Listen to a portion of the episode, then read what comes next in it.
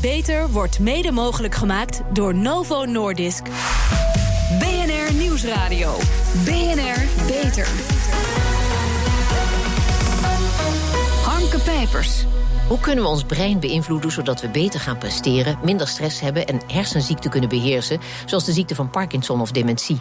Onze hersenen lijken de drukte van het leven soms aan, om amper aan te kunnen. Ik kom er niet meer uit. Maar er zijn oplossingen, dames en heren. Welkom bij BNR Beter, het programma voor mensen die werken aan gezondheid. Mijn gasten, Niki Korteweg, wetenschapsjournalist en neurobioloog, en Berend Olivier, hoogleraar psychofarmacologie aan de Universiteit in Utrecht. Mevrouw Korteweg, onlangs uh, verscheen uw boek, Een beter brein over slimmer worden door hersenwetenschappen.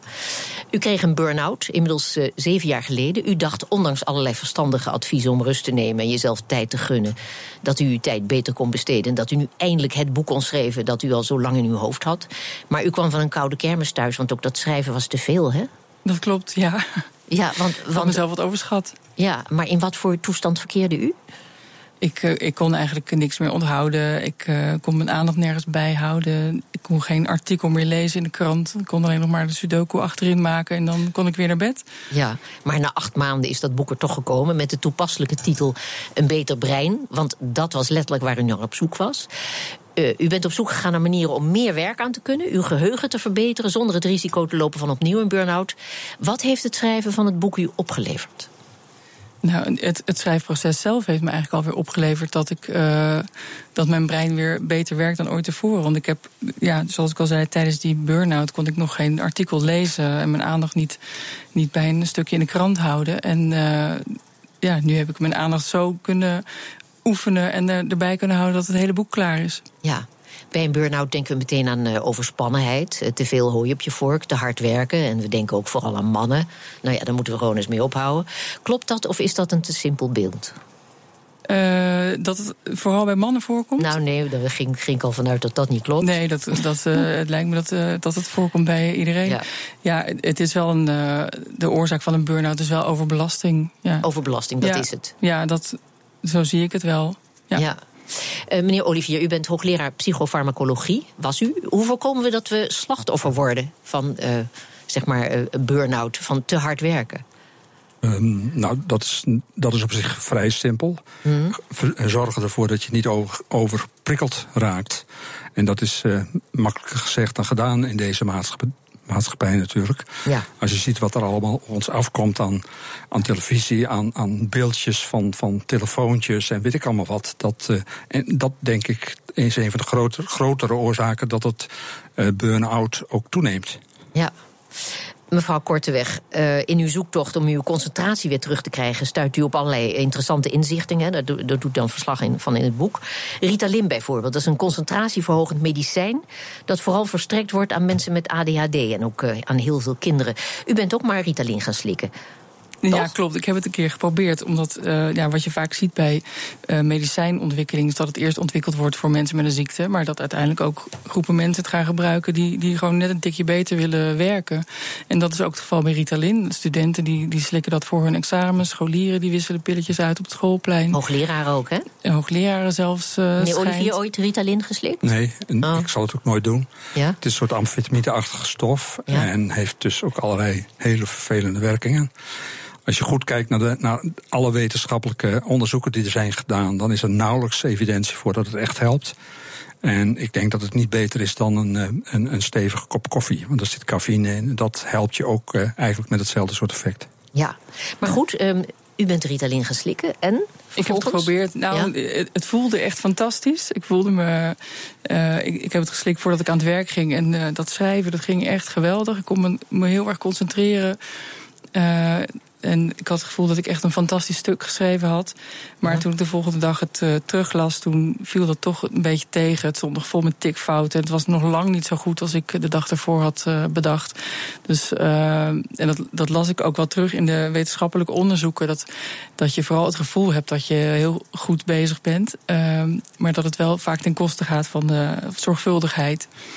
En daarbij inderdaad, wat meneer Olivier ook zegt, werkt het eigenlijk maar in de, bij de helft van de mensen kan het de concentratie en de, de aandacht verhogen, maar bij de andere helft niet. Ja, je, je wordt er een beetje overmoedig van, zo ja, klinkt het dan. Ja, je, je, voelt je vooral heel erg lekker. Ja. En je slaap gaat natuurlijk ook eraan. Dus mensen kunnen langer doorwerken en, en, en, raken dus uiteindelijk oververmoeid als je te veel gebruikt.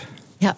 En dat is weer funest. Dat is weer funest voor de maar goed, de, de zucht naar dat soort middelen is wel heel erg groot. Hè? Mensen zijn erg op zoek. Ja, zeker. Ja. En ik, uh, ik, zat op een gegeven moment in een vliegtuig naast een arts. En die had. Uh, een dochter van hem woonde in New York. Die werkte bij een advocatenkantoor. En hij schreef af en toe een uh, receptje Ritalin voor haar uit. Omdat iedereen om haar heen dat slikte. En er moest heel hard gewerkt worden. En ook nog s'avonds gefeest. En hij zag daar geen kwaad in. Ja. Enorme prestatiemaatschappijen. En dat vooral in de Verenigde Staten. Maar het waait ook hier naartoe. Ja. En uh, ik denk dat het. Uh, dat je er eigenlijk voor moet waarschuwen, omdat ouders niet moeten denken dat, dat ze met pilletjes een beter kind krijgen, een beter studerend kind. Dat, dat is gewoon absoluut flauwekul. Ja. Onze verslaggever Harmen van der Veen ging naar de Breinkliniek om het neurofeedback-systeem uit te proberen. Dat is een vorm van gymnastiek voor de hersenen voor mensen met concentratiestoornissen, leerproblemen, slaapproblemen en depressie en burn-out. U hoort gezondheidswetenschapper Luc van Leur van de Breinkliniek. Het is een EEG-kapje. Dat krijg je op je hoofd. En met een EEG-kapje kun je, ja, zoals het woord het al zegt, een EEG maken. Oftewel de hersenactiviteit meten. Met een badmuts eigenlijk?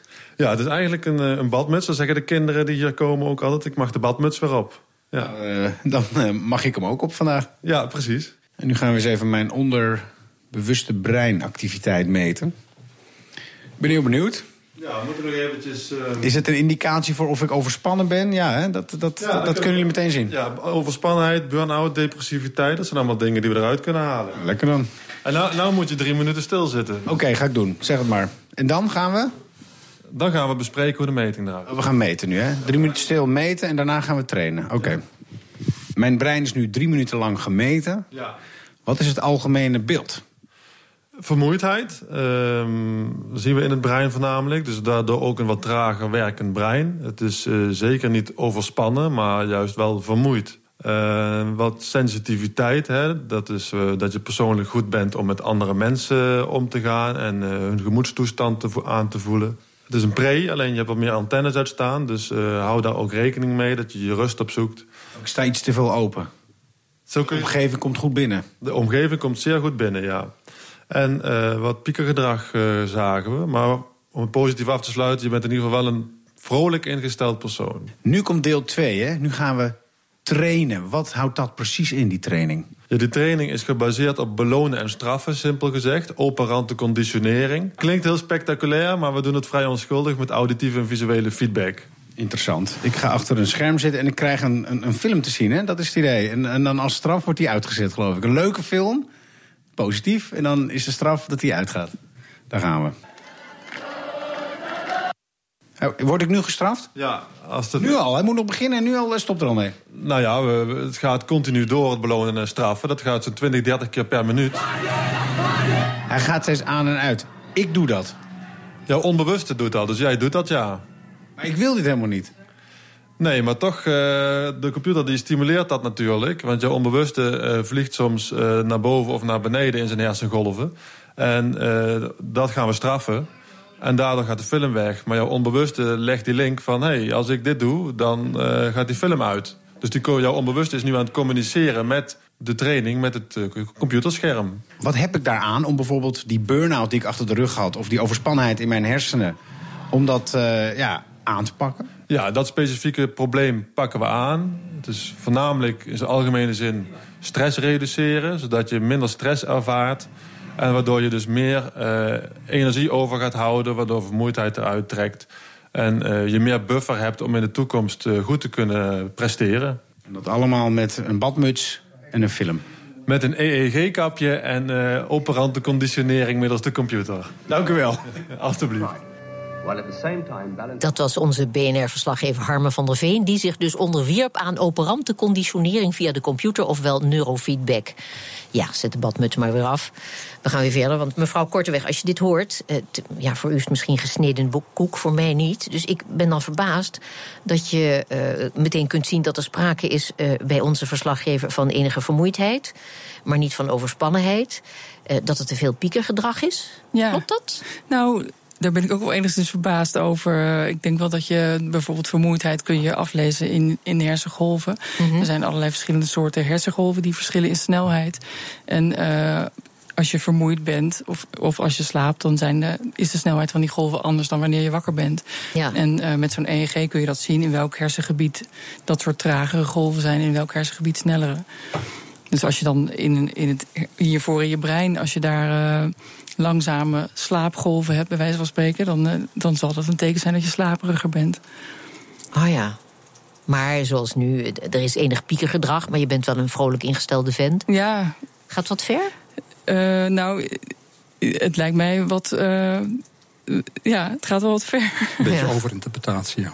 Ja. Maar goed, ik ben ook geen uh, neurofeedback. uh, Maar je kunt volgens mij niet echt Klink. vrolijkheid of droefheid direct eh, afleiden. Dat, dat Ja. lijkt me niet.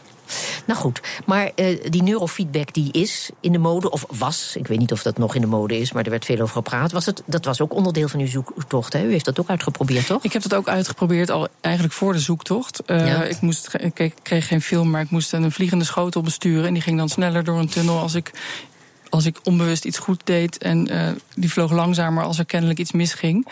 Ehm, en ik heb dat in, voor mijn zoektocht nog eens eh, verder uitgediept om te kijken of het zin zou hebben om zoiets te doen, 30 keer achter elkaar. Ja. Want het is een heel intensief traject. En, eh, en het wordt wel aangeprezen voor, voor burn-out onder andere. Eh, waar het het meest voor wordt aangeprezen is bij eh, ADHD, dus eh, Ja. ja, aandachttekort. En ik had ook last van concentratiestoornissen, dus ik dacht, nou, wie weet. Maar het meeste onderzoek wat ernaar gedaan is, wijst toch uit dat het eigenlijk geen effect heeft op, op de concentratie. Of het heeft, wel, heeft een beetje effect, maar zowel in de, de groep kinderen die neurofeedback doet, als in de groep kinderen die niet neurofeedback doet. Ja, ja. Meneer Olivier, u, u bent emeritus hoogleraar, met pensioen dus. Hè? Toen u studeerde was hier nog helemaal geen sprake van, van al dit soort nieuwigheden. Lag het accent vooral op medicijnen. Hoe kijkt u nu hier tegenaan? Ik hoor wel wat kritische opmerkingen maken, maar... Ja.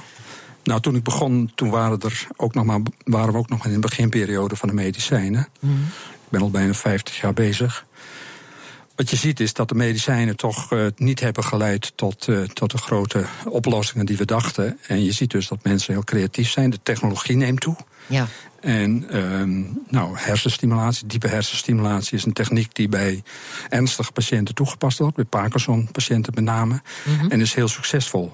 Ik denk niet dat dat een technologie wordt die bij iedereen op een gegeven moment toegepast wordt. Want ik kan me niet voorstellen dat iedere depressieve of psychotische patiënt op een gegeven moment rondloopt met elektroden in zijn of haar hersenen, die naar believen in of uitgeschakeld kunnen worden. Daar geloof ik niet in. Nee. Maar goed, kunnen hersenstimulaties ons beter maken... of zijn we toch aangewezen op, op medicijnen? In eerste instantie denk ik dat het veel makkelijker is als je goede Ja. medicijnen hebt om daarmee te beginnen. En, en die diepe hersenstimulatie die bijvoorbeeld nu bij Parkinson wordt gebruikt, dat is eigenlijk ook iets wat pas in een laat stadium wordt gebruikt, waarbij alle andere toepassingen van medicijnen niet meer werken. Ja. En dan kunnen patiënten nog een aantal jaren eh, zeg maar, daar baat bij hebben. Maar uiteindelijk, als het dopaminaire systeem wat je stimuleert, namelijk als dat uitvalt, dan helpt diepe hersenstimulatie ook niet meer. Dus dan is dat Ja. ook uitgewerkt. Dus het Nee. is niet een oplossing tot, eh, voor, voor 20, 30 jaar. Ja, de NOS die eh, meldde 29 maart dat nu voor het eerst een verlamde man eh, door middel van denkkracht zijn arm weer voor een deel kan gebruiken. Dat was niet voor de eerste keer, want ik lees in uw boek al heel veel verhalen van eh, dergelijke experimenten die geslaagd zijn. Hè? Ja, dat klopt. Nou, dit ging over eh, een man die zijn eigen arm kon besturen. Ja, zijn, ja. zijn arm van vlees en bloed met een breinimplantaat. Dat was nog nooit vertoond, maar er zijn dus inderdaad al klopt wel. eerder Ja. mensen geweest die een, bijvoorbeeld een robotarm eh, bestuurden met een hersenimplantaat. Ja. Ja, met een, eh, een elektrode die dan in je brein geprikt wordt en die gekoppeld is aan een computer. En eh, die computer die vertaalt signalen uit het brein zodat je, je een robotarm kan besturen bijvoorbeeld. Of een rolstoel of een computermuis. Ja, en, en dat eh, verhaal van deze man is eh, dat, je, dat je je eigen arm weer kunt besturen. Dat is dan via een computer die geprogrammeerd wordt op jouw hersenstromen. Ja, dan zijn er dus ook weer allerlei Want dat eh, beschrijft u ook in uw boek. elektroden in die arm geprikt. Ja. Ja. Wat, wat heeft u trouwens voor kastje voor u liggen? Dat is iets wat. Ja, ik heb zo'n diepe hersenstimulator meegenomen. Eh, die diepe hersenstimulator waar meneer Olivier het over had, die bij Parkinson-patiënten bijvoorbeeld gebruikt wordt, maar ook bij heel veel psychiatrische stoornissen al, zoals depressie of angst- en dwangstoornissen. Dit is een, eh, ja, zo'n sliert eh, gekookte spaghetti, lijkt het een beetje op. Ja, en dat gaat in het hoofd. Ja, die kant. gaat dan 8 centimeter diep in het hoofd. Er wordt eerst Ja. een gat geboord in de schedel en dan gaat het erin. En dan gaat, dat, gaat de rest daarvan via een, onder de huid via je nek naar een kastje uh, zoals dit, zo groot als een Zippo-aansteker. Ja. En dat wordt dan onder je sleutelbeen uh, geïmplanteerd. En dan gaat de stroom erop. Ja. En als je Parkinson hebt, dan, dan stopt dat te trillen, dat on, onwillekeurige trillen wat je bij Parkinson vaak ziet. En als je een dwangstoornis hebt, dan stopt dat uh, je, je enorme poetsdrang bijvoorbeeld. Minder stress, minder concentratieproblemen, het opheffen van dwangneurose, concrete oplossingen voor hersenziekten. Wat kunnen we nog meer verwachten? Hoort u meer over na de. BNR Nieuwsradio. BNR Beter.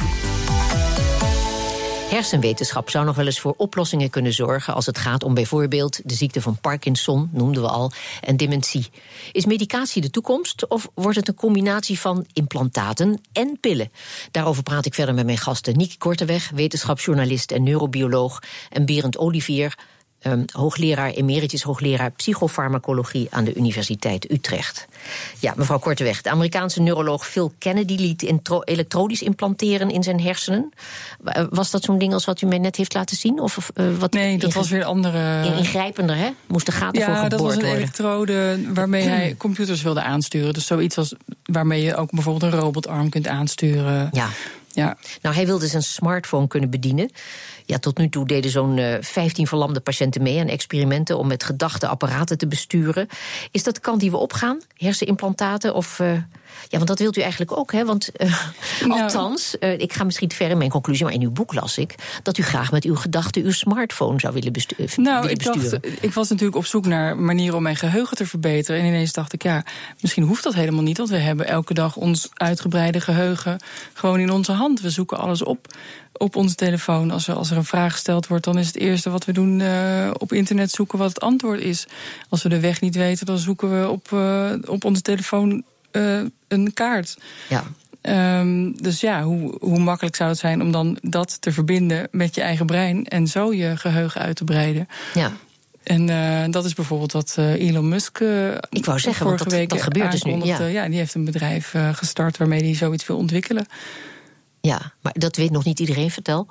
Uh, nou, Elon Musk, dat is de, de zakenman achter uh, Tesla en SpaceX. Ja. De, een heel futuristisch uh, zakenman.